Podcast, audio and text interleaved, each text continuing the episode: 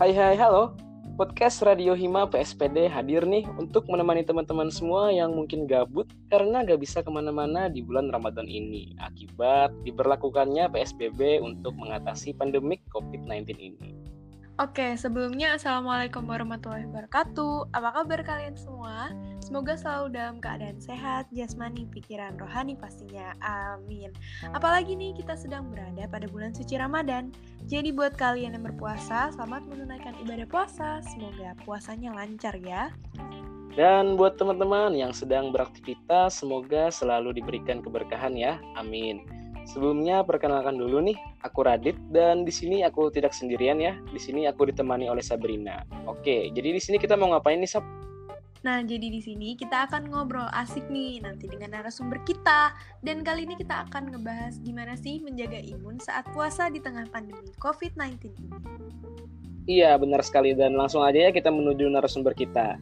Siapa sih narasumber kita kali ini? Nah, jadi narasumber kita kali ini nih luar biasa nih, Sab. Jadi di sini kita langsung datangkan narasumber yang ahli nih di bidang yang akan kita bahas kali ini, yaitu Dr. Haji Huldani MM M Imun.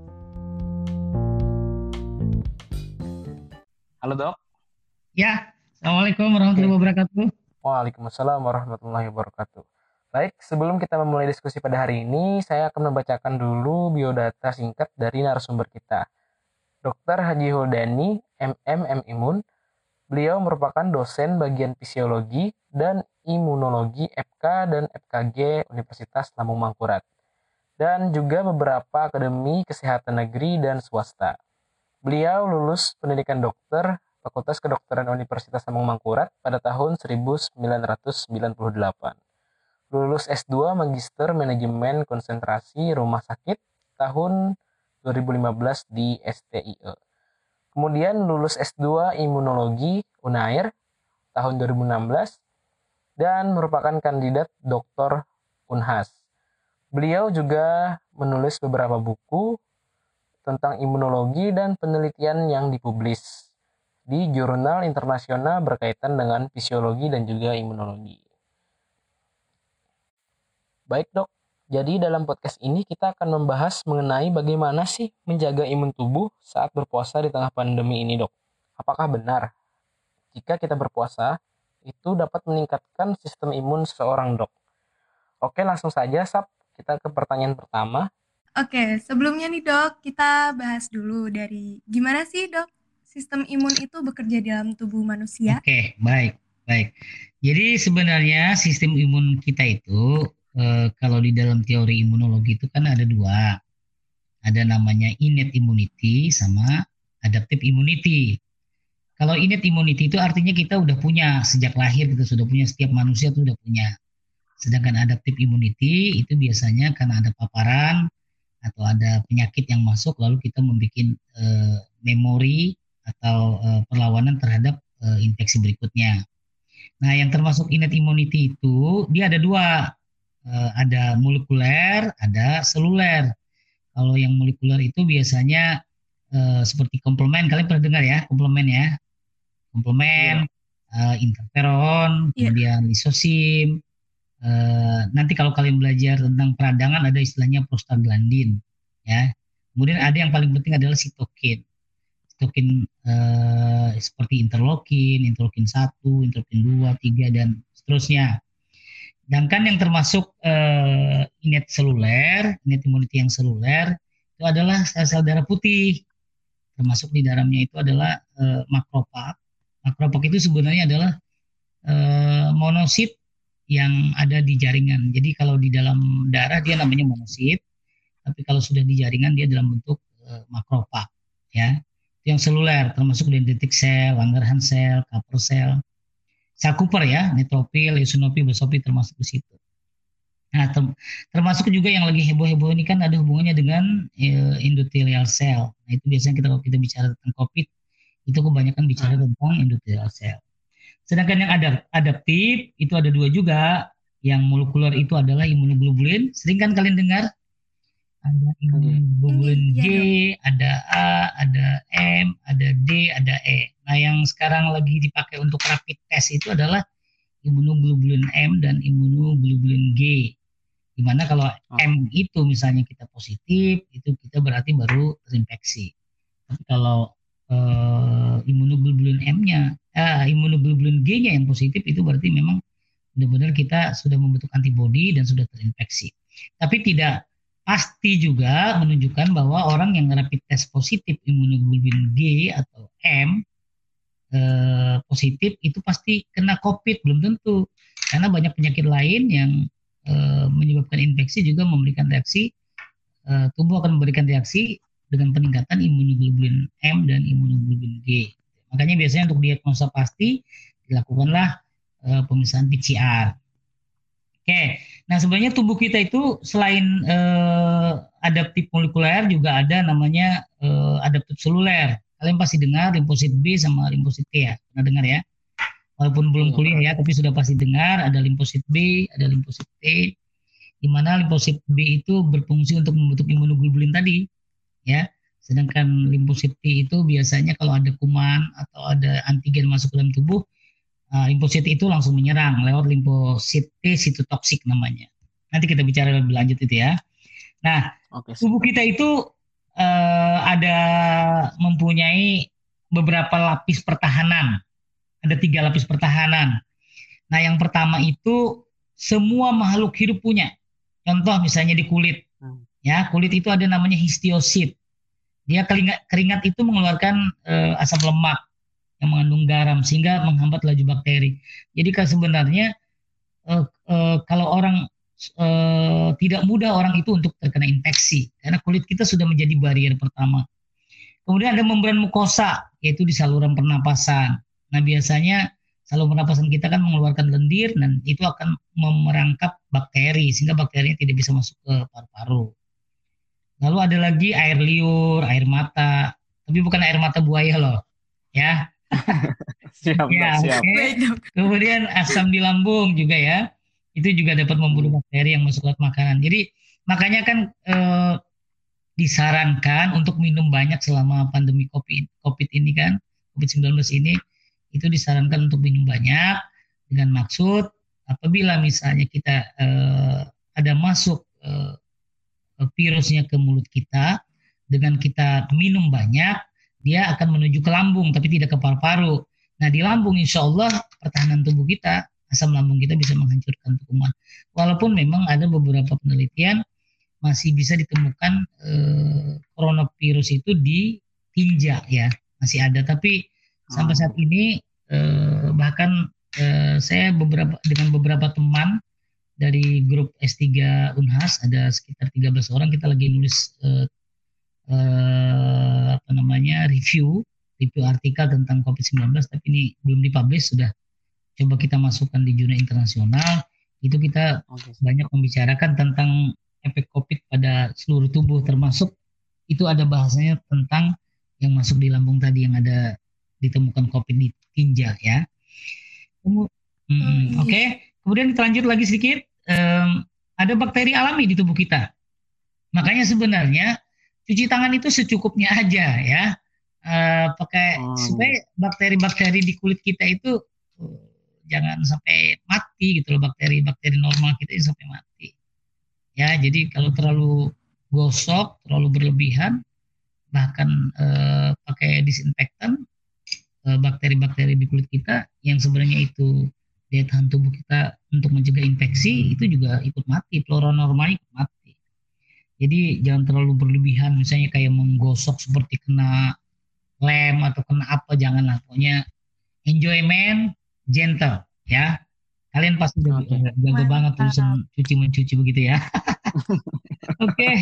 Kemudian eh, pertahanan tubuh lapis kedua Ya, lapisan kedua itu baru sel darah putih. Jadi kalau lewat kulit sudah bisa masuk dia atau lewat mulut, lewat air liur atau lewat mata yang uh, kan uh, apa namanya? Air mata itu kan mengeluarkan enzim lisosim namanya. Itu misalnya dia juga bisa masuk ke dalam tubuh, maka uh, pertahanan kedua yang melawan adalah uh, sistem pagosit tadi. Sistem pagosit yang saya bicarakan tadi yaitu sel-sel neutrofil, eosinofil, basofil, monosit, makrofag itu yang nanti berperan. Nah, kemudian ada protein komplement juga, ada interferon, ada sitokin. Itu yang kedua. Sedangkan lapis ketiga adalah eh, limfosit B itu biasanya kalau sudah reinfeksi. Jadi misalnya orang kena infeksi tujuh hari kemudian pada saat dia terpapar dia kena infeksi hari ketujuh itu sudah mulai terjadi pembentukan uh, antibodi terhadap uh, uh, virus ini. Nanti kalau dia sudah sembuh bisa terinfeksi lagi, tubuh dalam satu hari sudah membentuk antibodi. Jadi masih bisa orang yang terinfeksi virus coronavirus ini masih bisa lagi bisa terinfeksi lagi, tapi tubuh kita sudah tahan, sudah bisa melawan karena sudah punya antibodi. Kemudian ada namanya T limfosit T yang menghasilkan T helper itu nanti membantu uh, limfosit T sitotoksik untuk untuk memakan kuman. Kemudian ada namanya T regulator atau supresor itu biasanya berfungsi menekan uh, menyeimbangkan antara fungsi limfosit B sama limfosit T. Karena kalau salah satu berlebihan nggak bagus. Kan semua kalau ada sesuatu berlebihan kan nggak bagus. Misalnya telinga kalian terlalu panjang kan nggak bagus tuh. Ya, jelas. Panjang sekali nggak bagus kan berlebihan nggak bagus. Oke mungkin itu kira-kira ya. Cukup jelas mungkin ya. Oke. Nggih, sudah cukup Iya dok, Oke, oke. jelas ya. Oh, Oke, Silakan. Ini kan sekarang dok kita eh, nggih, sekarang kan kita berada di pandemi COVID-19 nih dok. Ya, oke, oke. Nggih, jadi apabila seseorang tuh dok terkena COVID-19 itu sebenarnya pada sistem imun tuh apa yang terjadi dok? Oh iya, baik, baik. Jadi eh, COVID-19 ini kan sebenarnya penyebabnya adalah eh, virus SARS tipe 2. Ya, kalian kalau pernah dengar dulu tentang SARS, Severe Acute Respiratory Syndrome, artinya kan respiratory syndrome, berarti sindrom pernapasan. Ya, sindrom pernapasan akut berat. Dan ini tipe 2.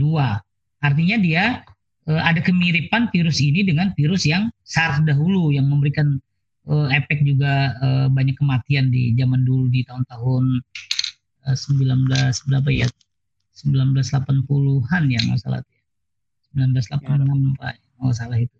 Nah jadi dia itu sebenarnya tipe eh, SARS tipe 2 dan dia masuk ke dalam tubuh manusia yang jelas tubuh akan memberikan respon respon respon imun karena dia berupa antigen kan.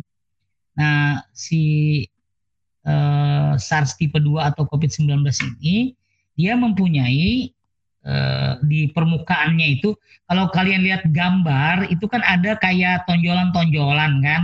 Ada gambar bulat virusnya ada tonjolan-tonjolan. Nah itu namanya Ya dok. eh, namanya eh, protein spike. Ya tonjolan protein. Nah itu sebenarnya di situ dia antigennya. Eh, jadi ada namanya glikoprotein di, di dindingnya itu protein S atau disebut dengan protein S. Nah, glikoprotein ini nanti berikatan dengan eh, dia cocok sekali berikatan dengan angiotensin converting enzyme tipe 2 dan itu ada pada manusia, ada pada saluran napas, ada pada endotel. Makanya dia mudah sekali masuk di manusia. Nah, sebenarnya eh, glikoprotein ini dia mudah sekali hancur kapsulnya ini. eh, jadi virusnya itu ada amplopnya, ada kapsulnya terdiri dari glikoprotein dan situ ada tonjolan eh, atau protein spike tadi. Itu mudah sekali hancur terhadap eh, sabun. Makanya kita kan disarankan mencuci tangan pakai sabun, ya kan? Dengan tujuan bahwa dia akan melisiskan eh, kapsulnya ini eh, yang bentuk amplopnya itu, amplopnya virusnya gitu loh. Nah, setelah dia berikatan dengan eh, angiotensin converting enzyme di eh, tipe 2 di tubuh manusia, ini biasanya eh, banyak sekali di paru-paru ya. Nah, kemudian eh, di endotel juga, maka coronavirus ini antigennya ini eh, akan dikenali oleh PAM, akan dikenali oleh eh, dalam bentuk PAM kalau kalian belajar imunologi. Jadi antigen dari virus atau dari bakteri itu disebut dengan PAM, patogen associated molecular patterns. Jadi disebut itu. Jadi antigen apa pun disebutnya itu. Nah, PAMS ini misalnya nanti dikenali oleh tubuh kita, yaitu yang kenalnya namanya eh, apa namanya nih PRR, eh, pattern recognize eh, pattern recognize, eh, recognize receptor. Jadi dia ada reseptor di tubuh kita yang mengenal eh, PAM tadi, yang mengenal antigen glikoprotein tadi. Nah, tapi sebelumnya supaya bisa PAM ini antigen glikoprotein pada virus ini uh, berhubungan dengan PRR pada manusia tadi, uh, dia harus dibawa oleh namanya antigen presenting cell. Jadi misalnya gini, kalian misalnya punya buah-buahan. Nah, buah-buahan itu misalnya hmm. punya radit ya, misalnya punya radit ya, buah-buahan. Itu anggaplah buah-buahan itu ciri khasnya radit. Pokoknya radit kalau ada buah itu, pokoknya itu namanya radit deh. Nah, buah-buahan itu harus dibawa pakai nampan untuk menuju ke Sabrina. Sabrina anggap PRR. Ya. Oke. Okay. Okay? Si radit okay. adalah pamnya. Nah, nampan yang membawa buah-buahan atau antigen dari si radit atau dari COVID tadi, itu namanya antigen presenting cell. Nampannya itu yang membawa, yang mempresentasikan kepada PRN namanya antigen presenting cell. Nah, antigen presenting cell itu contohnya adalah uh, sel darah putih, neutropil, eosinofil, basofil, uh, makropak, monosit. Nah, itu. Nah, setelah dipresentasikan di PRR, kalau manusia namanya salah satunya uh, PRR itu banyak ya, ada TLR, ada NOT juga NOT. Kemudian eh, TLR ini, toll-like reseptor ini, eh, setiap ada TLR pasti ada MHC di di manusia, namanya eh, histocompatibility complex ya, major histocompatibility complex. Eh, kalau di manusia namanya HLA, human leukocyte antigen. Jadi habis dari antigen di presenting cell ke PRR atau toll-like reseptor, maka toll-like reseptor bersama dengan MHC, MHC di sini secara umum keseluruhan makhluk hidup, tapi kalau namanya kalau, kalau pada manusia namanya HLA, human leukocyte antigen. Nah, ya. Yaitu MHC, itu ada kelas 2, ada kelas 1, ada kelas MHC kelas 1, ada MHC kelas 2. Nah, MHC kelas 1 dia akan membawa ke limfosit T namanya limfosit T sitotoksik. Nanti dimakan tuh virusnya. Kalau eh, daya tahan tubuh kita bagus maka limfosit T sitotoksik kita bisa menang melawan virus. Nah selain dia ke limfosit T sitotoksik lewat MHC kelas 1 juga eh, eh, antigen virus ini akan dipresentasikan di MHC kelas 2 lewat MHC kelas 2 dipresentasikan ke limfosit B untuk membentuk anti antibody yaitu imunoglobulin GA terutama ya. Nah, dua imunoglobulin ini nanti setelah dia mengikat uh, virus, virusnya tadi, antigennya tadi, dia akan membawa akan membawa ikatan tadi ke uh, limfosit sitotoksik tadi untuk dimakan dan membentuk memori. Makanya apabila kita sudah pernah terinfeksi suatu virus, Uh, biasanya dalam tujuh hari, misalnya kayak COVID ini dalam tujuh hari kita baru bisa memberikan reaksi. Makanya biasanya kalau orang dalam tujuh hari bisa bertahan, dia bisa hidup, ya. Kalau dalam tujuh hari dia tidak bisa bertahan, dia sakit dan bisa meninggal. Nah, hmm. pada infeksi yang kedua, kita sudah punya antibodi. Jadi pada saat ini sudah sembuh dari COVID-19, ternyata kita tertular lagi dari orang, kena lagi, tubuh dalam satu hari sudah membentuk antibodinya, sehingga kita bisa bertahan. Jadi Ya, seperti itu ya. Prosesnya panjang sebenarnya harusnya kuliah imunologi khusus ini. yang mungkin siap. kalian ya siap, dapat ya. Mungkin, kilas ya, dulu lah ya. ya. Oke deh. Ada pertanyaan lain kah? Uh, baik dok, masih mengenai daya tahan tubuh, saya pernah membaca suatu artikel di mana disebutkan bahwa untuk uh, melindungi tubuh dari paparan virus, dia nekat membuat suatu disinfektan dari bahan antiseptik yang di mana itu dijadikan diffuser atau untuk dihirup itu dok. Bagaimana menurut dokter? Oh ya, oke. Okay. Kalau disinfektannya itu um, dosisnya uh, tidak terlalu berbahaya, artinya uh, kadar yang dikandung disinfektannya itu kan biasa disinfektan itu ada salah satunya mungkin bagiannya adalah alkohol atau apa ya misalnya. Itu kalau misalnya tidak terlalu kadarnya terlalu tinggi ya tidak berbahaya. Tapi kan harusnya disinfektan bukan untuk dihirup ya kan? Seharusnya dipakai untuk uh, di tangan. Makanya kayak uh, disinfektan seperti yang dibikin orang yang pakai bilik-bilik itu sebenarnya nggak bagus. Dia akan mengiritasi kulit. Oh. dia akan mengiritasi kulit dan akan mematikan flora normal di tubuh malah tidak bagus sebenarnya. Jadi penggunaannya itu penggunaan yang yang apa namanya ya realitas saja lah, yang alami aja bahwa uh, penggunaan desinfektan itu memang untuk mencuci bagian yang bersentuhan. Jadi kalau kita misalnya bersentuhan dengan orang lewat tangan, ya cucilah tangannya. Tapi kalau seluruh tubuh masa dikasih disinfektan seluruh tubuh? Kan tidak. Bawa aja mandi. Bawa mandi Iya, pakai sabun. Dok. mau pakai sabun merek apa kan silakan. Yang penting itu ada sabun dan pakai mandinya pakai air mengalir ya jangan berendam di dalam bak airnya tidak mengalir airnya kumannya atau virusnya tetap di situ aja jadi Siap. pakai shower pakai atau pakai gayung yang di apa dilepaskan di kepala jadi otomatis airnya mengalir sehingga virusnya itu selain lu, eh, mati eh, lisis karena sabunnya juga karena turun ke bawah dari tubuh kita gitu. Oke, baik dok. Oke. Ya, gimana? Kita lan- lanjut ya, dok ya. Siap, siap. Oke. Eh, masih dari website juga nih, dok. Ya, Jadi saya pernah baca itu dikatakan bahwa puasa itu dapat meningkatkan imun seseorang, dok.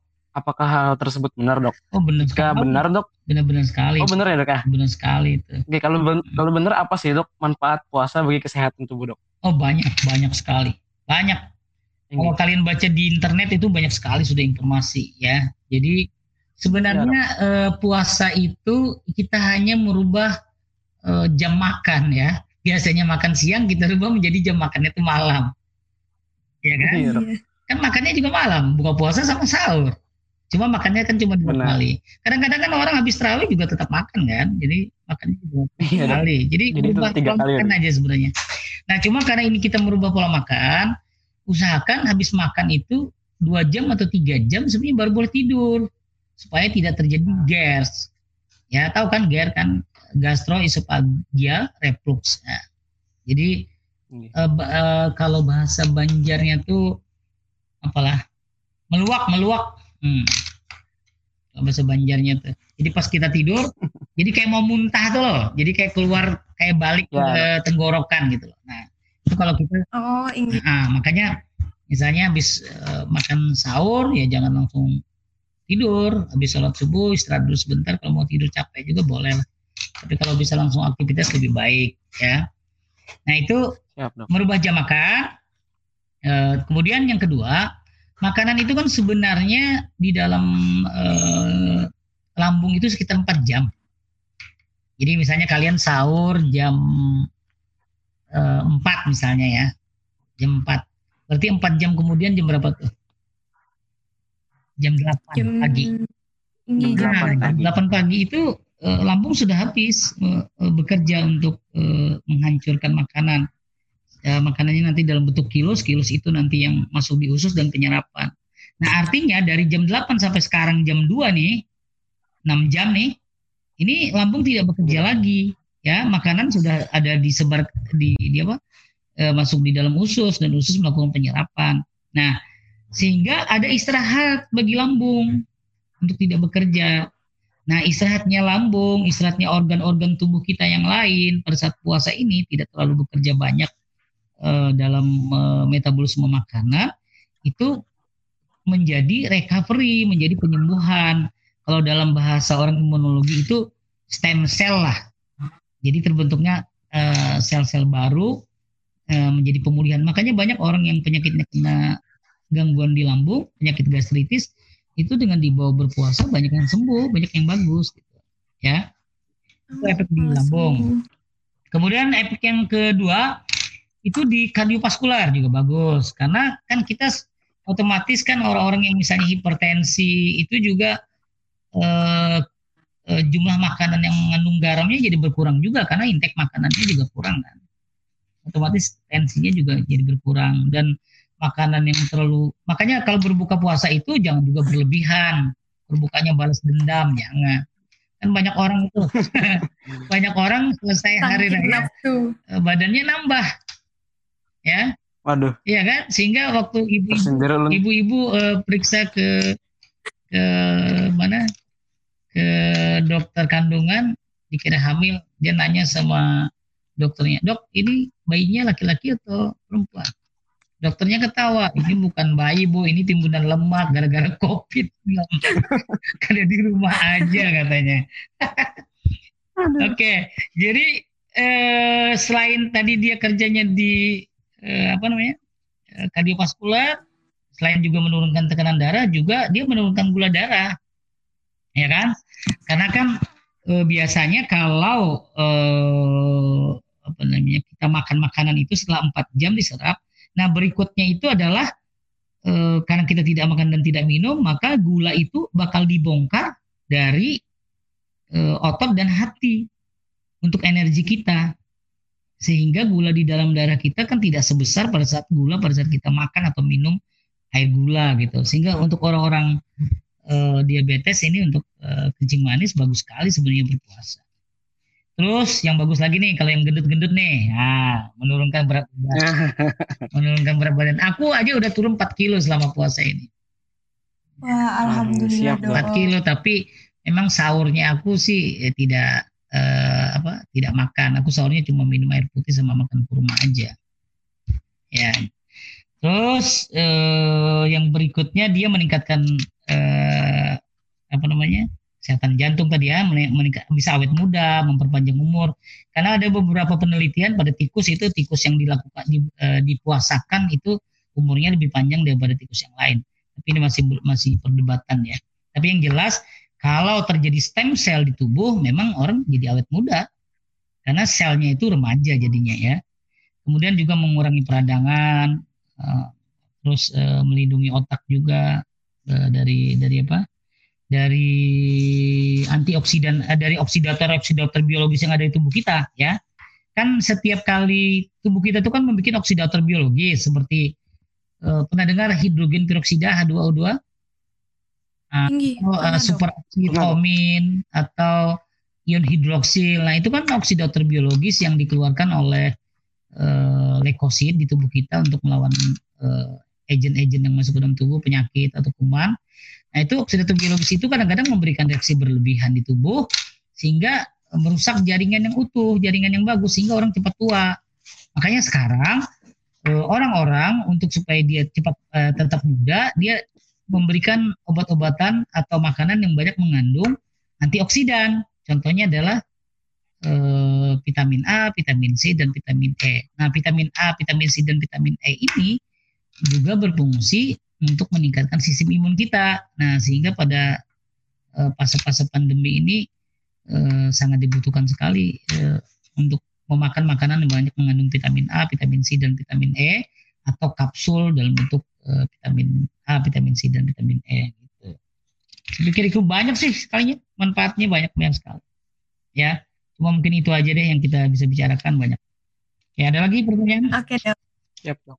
Ya, kita lanjut Mungkin karena tadi sudah membahas vitamin C ya dok ya. ya. ya. Nah, akibat dari pandemi ini dok, banyak orang yang berlomba-lomba membeli makanan dan minuman yang mengandung vitamin C. Hmm, hmm. Apakah berbahaya jika tubuh terlalu banyak mengonsumsi vitamin C dok? Oh, berbahaya sekali. Kan tadi udah dibicarakan, kalau sesuatu berlebihan itu nggak bagus. Hidung terlalu panjang, Siap, dok. Eh, kan susah tuh kalau jalan. Telinga terlalu panjang juga nggak bagus kan. Pokoknya kalau berlebihan itu tidak bagus. Yang bagus itu yang sedang-sedang aja. Kayak lagunya, dulu kalian pernah dengar nggak lagunya Petty Pera dulu? Nyanyi dangdut. Oh kayaknya bukan, yang bukan jamunya kalian ya kayaknya. yang sedang saja itu lagunya dulu. Oke, okay, kalian uh, belum belum hidup masa itu kayaknya. Oke, okay.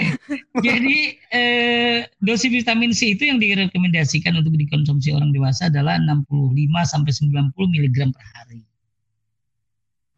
Ya, jadi eh, jangan berlebihan itu aja maksimalnya. Jadi tidak ada manfaat lebih yang akan didapatkan tubuh dengan mengkonsumsi vitamin C terlalu berlebihan, ya.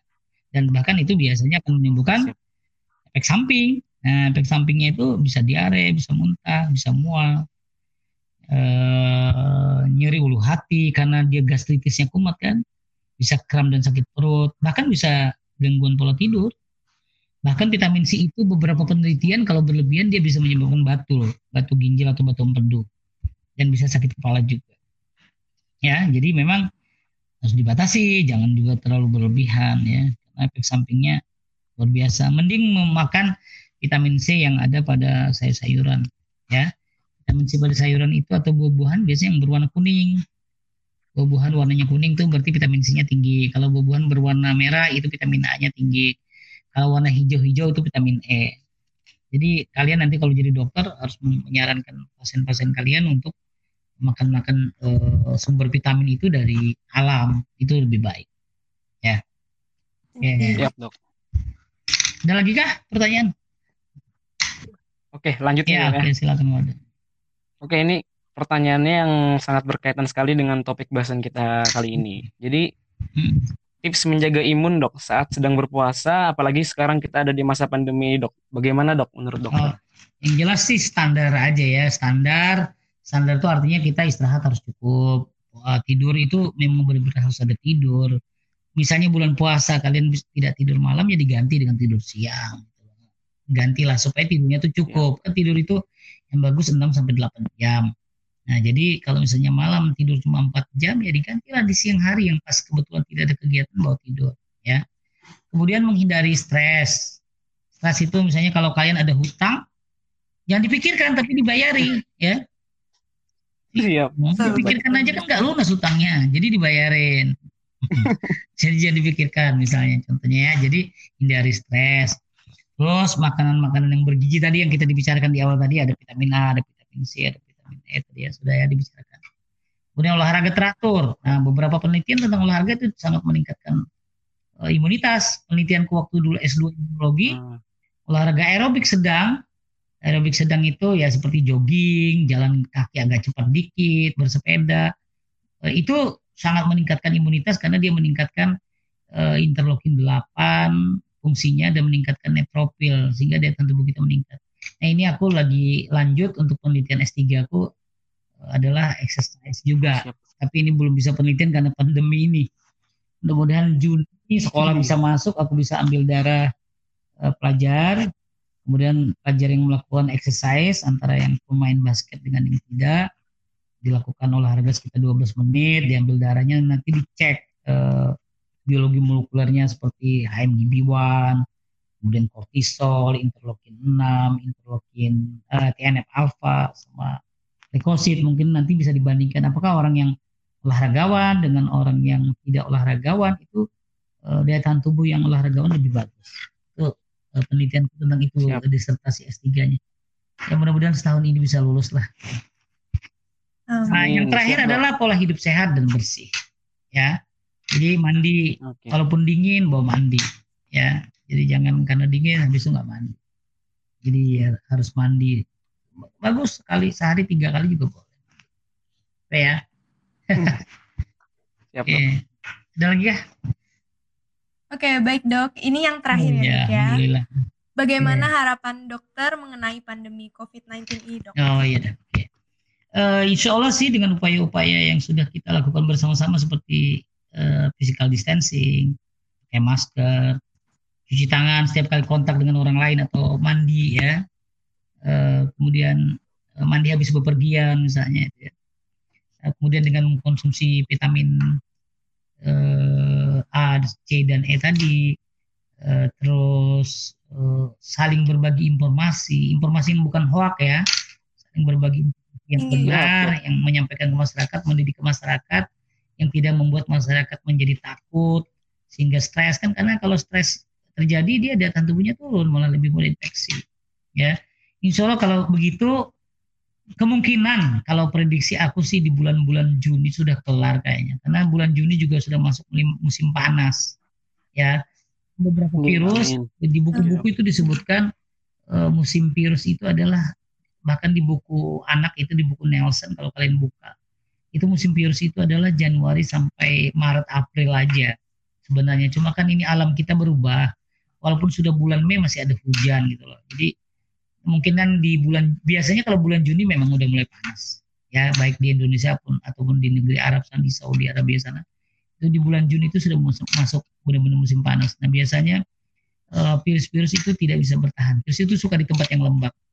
Ya, jadi kemungkinan uh, Juni awal-awal Juni atau pertengahan Juni sudah selesai. Ya mudah-mudahan begitu. Amin. Ya kita berdoa aja dah yang penting sama-sama. Karena tidak bisa kegiatan apa-apa semua deh kacau jadinya deh. Ya Oke deh, mungkin itu ya, yang semua. bisa disampaikan. Langsung kami tutup aja ya, Teh. Silakan, silakan. Oke ya. Assalamualaikum warahmatullahi wabarakatuh. Waalaikumsalam warahmatullahi wabarakatuh. Terima kasih, Dok. Sama-sama.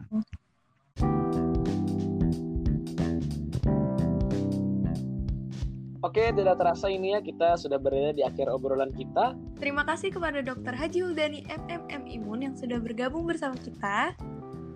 Dan kepada teman-teman juga terima kasih telah mendengarkan podcast ini dan jangan lupa untuk share podcastnya kepada teman-teman yang lain. Dan jangan lupa buat kalian yang ingin tahu seputar info tentang COVID-19 ataupun info lainnya, bisa langsung di follow aja nih Instagram dokternya yaitu di at huldani underscore dr. Dan jangan lupa juga tetap menerapkan PSBB-nya ya. Iya, benar sekali. Saya Radit dan Sabrina pamit undur diri. Mohon maaf atas kekurangannya. Sampai jumpa di lain waktu. Wassalamualaikum warahmatullahi wabarakatuh. Bye bye. Oke.